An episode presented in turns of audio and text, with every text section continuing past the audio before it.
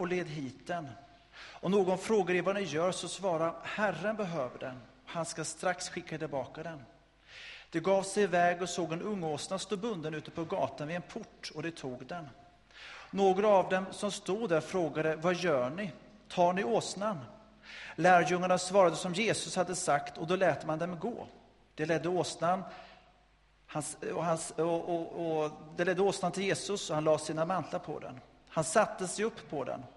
Och många bredde ut sina mantlar på vägen, andra strödde ut löv, palmkvistar, så de tog från träden runt om. Och det som gick före och det som följde efter ropar Hosianna, välsignad är han som kommer i Herrens namn. Välsignad vår fader Davids rike som nu kommer. Hosianna i höjden. Så kom han in i Jerusalem och gick till templet. Och när han hade sett på allt vände han tillbaka till Betania med de tolv, eftersom det redan var sent. Låt oss nu bara stämma in i lovsången till Herren den här dagen. Herre, jag bara prisar dig, jag tackar dig att vi bara får vara inför dig, Herre Jesus. Och jag tackar att vi likt alla andra som i Jerusalems gator den här dagen får bara stämma in i hyllningstången till dig. Och vi tackar dig Gud att vi får bara lägga ner oss själva inför dig med allt vi äger och har och tillbe dig Gud. Tackar dig Jesus att du är mitt ibland oss den här dagen. Och jag tackar dig Jesus för att du kom med ett fredsrike till oss, till en mörk värld Herre, för att förmedla frälsning Jesus. Och jag tackar dig för att du är här idag, för att beröra oss och välsigna oss. Jag tackar dig för ditt levande ord. Och jag tackar dig Gud för att du just nu vill uppenbara dina sanningar i våra hjärtan. I Jesu namn. Amen. Varsågoda och sitt ner. Jesus gjorde ofta ovanliga saker som ofta chockade folk. Han botade sjuka på sabbaten. Han var tillsammans med människor som hade dåligt rykte. Och när han skulle ge exempel på tro så tog han inte fram en äldre man som kunde Gamla testamentet utan till, utan han tog fram ett litet barn. Dagens händelse när Jesus rider in i Jerusalem är också en oväntad händelse. Inte i profetorden, men för folket som var där, som inte kände till vad som skedde. Vad menade Jesus? Han gjorde inte något sensationellt för sensationens skull, så att säga, för, för att det skulle vara sensationellt. Däremot så gjorde han många uppseendeväckande saker. Och det gjorde han för att han ville säga något speciellt, för att folk skulle reagera. Han ville förmedla något. Och dramatisk framställning, det var hans pedagogiska sätt för att förmedla liksom budskapet. Och var mäster på att framställa djupa saker i dramats form.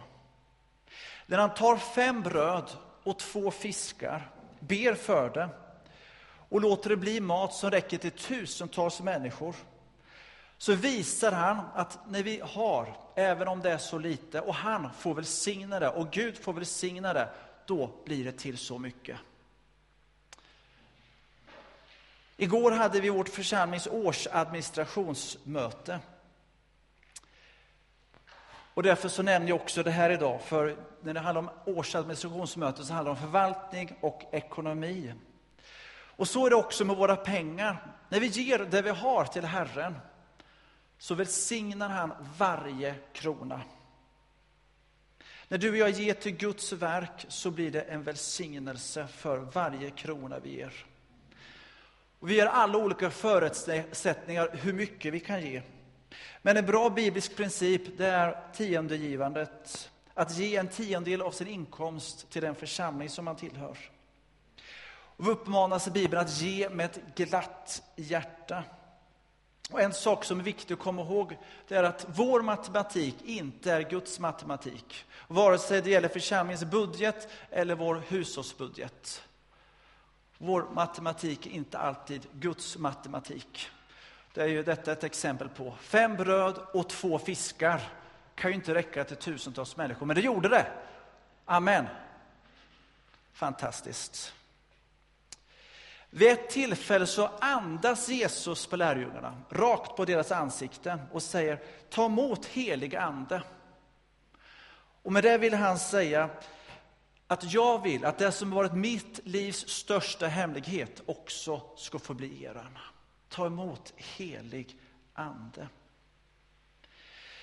Vad menar Jesus med att rida in i Jerusalem på det här sättet? Vad är budskapet? Att någon red på en åsna var inte ovanligt. Det är ungefär lika vanligt som vi ser Volvobilar ute på stan. Till någons glädje och till någons förtret beroende på vilket märke man gillar. Men jag har haft Volvo flera stycken så jag vet att det är bra bilar. Men åsna var väldigt vanligt, precis som det här med bilar. Men det speciella vad han gör just nu vid det här tillfället.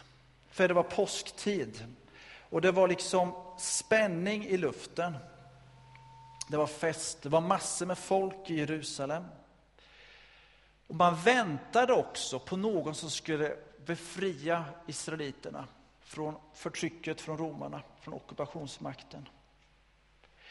Och på påsken så svall också de nationalistiska känslorna när man firade uttåget från Egypten till det heliga landet. Man längtade efter en Messias som skulle frälsa dem. Och man trodde att han var den som skulle göra det. På det sättet att han skulle befria dem som nation. På det sättet att han skulle befria dem från förtrycket och bli en ledare liksom för staten. Förväntan var stor. Men Jesus, han kom på ett sätt som ingen hade kunnat vänta sig. Han kom ridande på en åsna som inte användes i krig eller som inte användes i strid. Utan han kom på ett djur som ett uttryck för fred. Det Jesus gör det är en antivåldsdemonstration. Men inte bara det. Han demonstrerar först och främst inte mot något, utan han talar för något. Han demonstrerar sitt rike, ett annorlunda rike, Guds rike.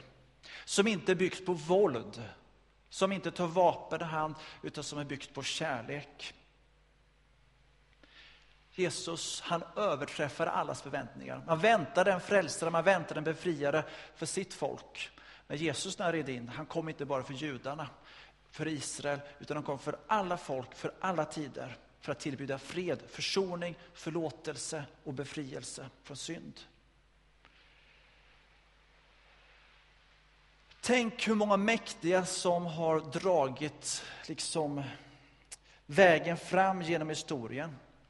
Vilka mäktiga orkestrar, vilka mäktiga vapen, vilka mäktiga arméer. Vi kan tänka på Alexander den store. Vi kan tänka på de romerska kejsarna. Vi kan tänka på Napoleon. Och i vår tid så kan vi tänka på Stalin och Hitler. Och vi har sett filmarkiv, hur människor jublade och man hyllade de här regenterna och härskarna som kom in. Men det är ingen idag som hyllar Alexander den store längre. Det är ingen som hyllar någon kejsare längre. Det är ingen som fortsätter hylla Napoleon. Det är ingen som hyllar Hitler eller Stalin. Men miljontals människor över hela jorden hyllar Jesus Kristus. Amen. Det är skillnaden. De andra är döda, men Jesus lever. Amen. Visst är det bra? Är det det här riket då som ska segra, det Jesus kom med? Ja, det är det faktiskt. Det är det som ska segra. Det är Bibelns budskap. Ska det bestå så måste det vara radikalt annorlunda. Längs vägen där många mäktigas kors liksom har dragit fram, eller längs vägen där det finns, finns, finns har det funnits många kors, alltså många som har dött i strider och för sina ideologier och för sina idéer. Människor som har offrats för makten och härligheten, för ära och berömmelse. Men längs Jesu väg finns det ett annat kors rest, där han själv gav sitt eget liv. Det finns ingen annan som gjort det på det här sättet som Jesus gjorde. Bara Jesus.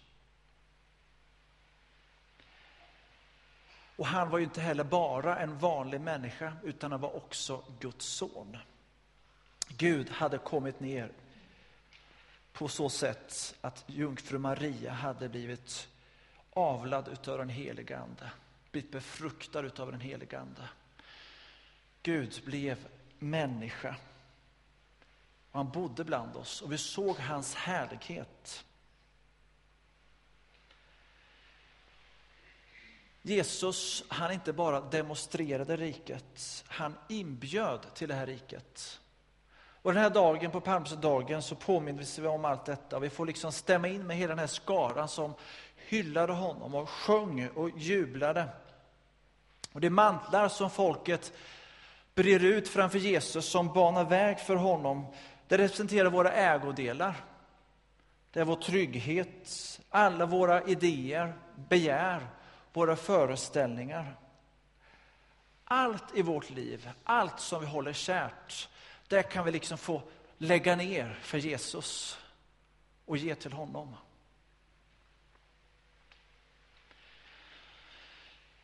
Jesus visste att snart skulle de här hyllningarna bytas ut mot krav på dödsstraff. Hjälten skulle snart bli skurken. Och inte ens hans lärjungar skulle våga stå upp för att han var deras vän. De närmaste skulle också svika. De skulle inte våga stå upp för det de trodde på. Men evangelium handlar om att det aldrig är kört. Jesus ser med oss med värme i blicken. Från åsnans rygg. Och framförallt från korset. När vi inte alltid orkar, inte alltid vågar eller vill. Stå upp för Jesus. Och så kanske vi känner den här skammen över att ha svikit honom, precis som Jesus blev sviken av Petrus. Och Petrus kände skammen i kroppen. Han vågar knappast titta på Jesus. Men Jesus tittar in i hans ögon med värme. Jesus räknar med oss när vi jublar inför honom som Guds son. Men han vet också, precis som det var för Petrus, så kan det också vara för oss ibland, att vi inte alltid orkar stå upp för honom.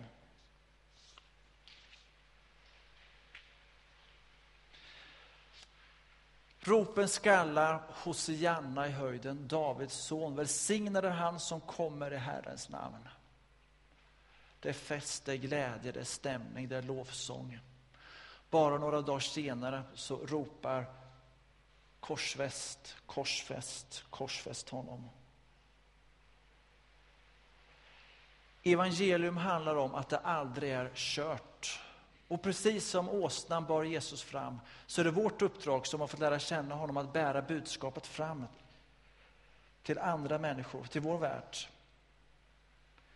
Och vi fortsätter hoppas på försoning, vi fortsätter hoppas på frihet, vi fortsätter hoppas på gemenskap. Och nu går vi in i vad man kallar den stilla veckan.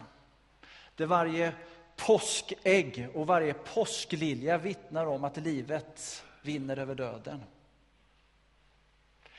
Och det tuppar som kommer fram i fönstren, det vittnar om att precis som Petrus som glömde av vem hans vän var, som förnekade Jesus, han fick en andra chans.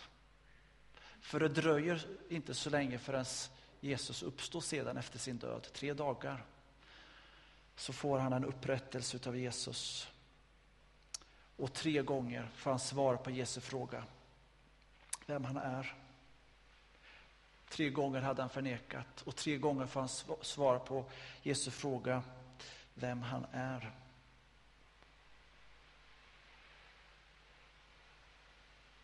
ett vittnesbörd om att få en ny chans igen. Det fick Petrus. Han mötte Jesu blick och han fick förlåtelse.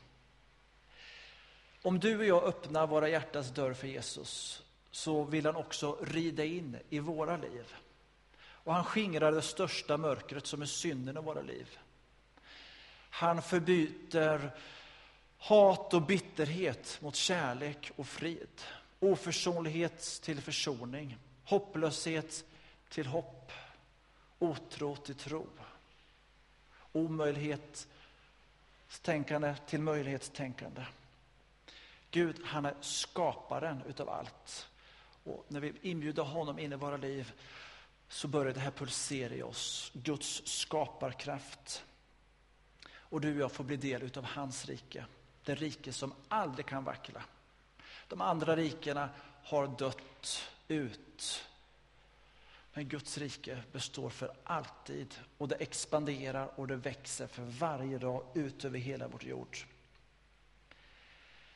Och det rike vi blir del av när vi blir del av Guds rike, det är ett fullkomligt rike. Och du kan få möta Jesus här idag. Om ditt liv är på toppen eller om du har kört i botten.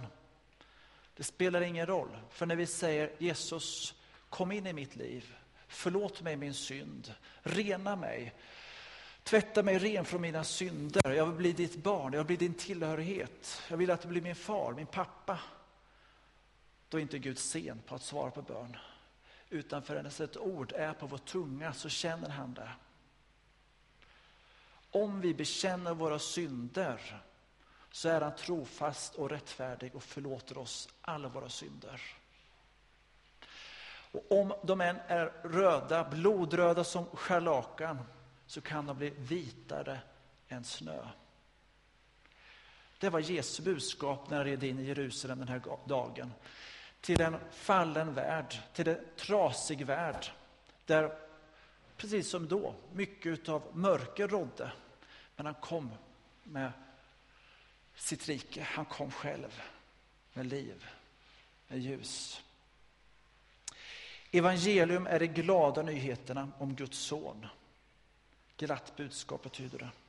Att Jesus har kommit för att ge oss ett nytt liv. Vi ber tillsammans. Herre, jag bara prisar dig, jag vill tacka dig för allt du har gjort för oss. Och jag tackar dig att det här är frälsningens dag. Om vi bekänner våra synder så är du trofast och rättfärdig och förlåter oss dem. Och jag tackar dig Jesus för att du skingrar det största mörkret och fördriver det djupaste hatet. Och jag tackar att du med din skaparkraft gör allting nytt. Vi blir till och med nya skapelser i dig. Vi blir dina egna barn, dina arvtagare. Vi blir inympade i det äkta trädet. Jag tackar dig för allt som du ger till oss i tron på dig. Jag tackar dig också att vi får ge utav det vi kan tycka ibland är det lilla vi har, på olika sätt. Utav våra pengar, vi kan ge vår tid, vi kan ge våra gåvor,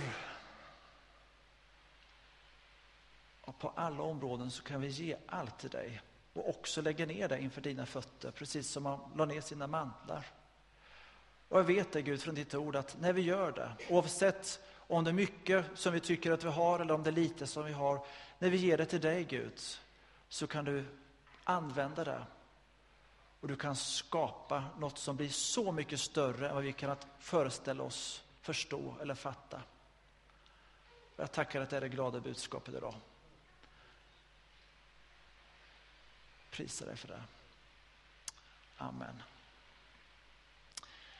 Nu vill jag bara be en bön för dig medan vi har huvuden böjda och fråga dig om du vill möta Jesus idag. För första gången eller för, för femtionde gången så kan du få möta Jesus idag. Så kan du bara sträcka upp din hand där du står just nu.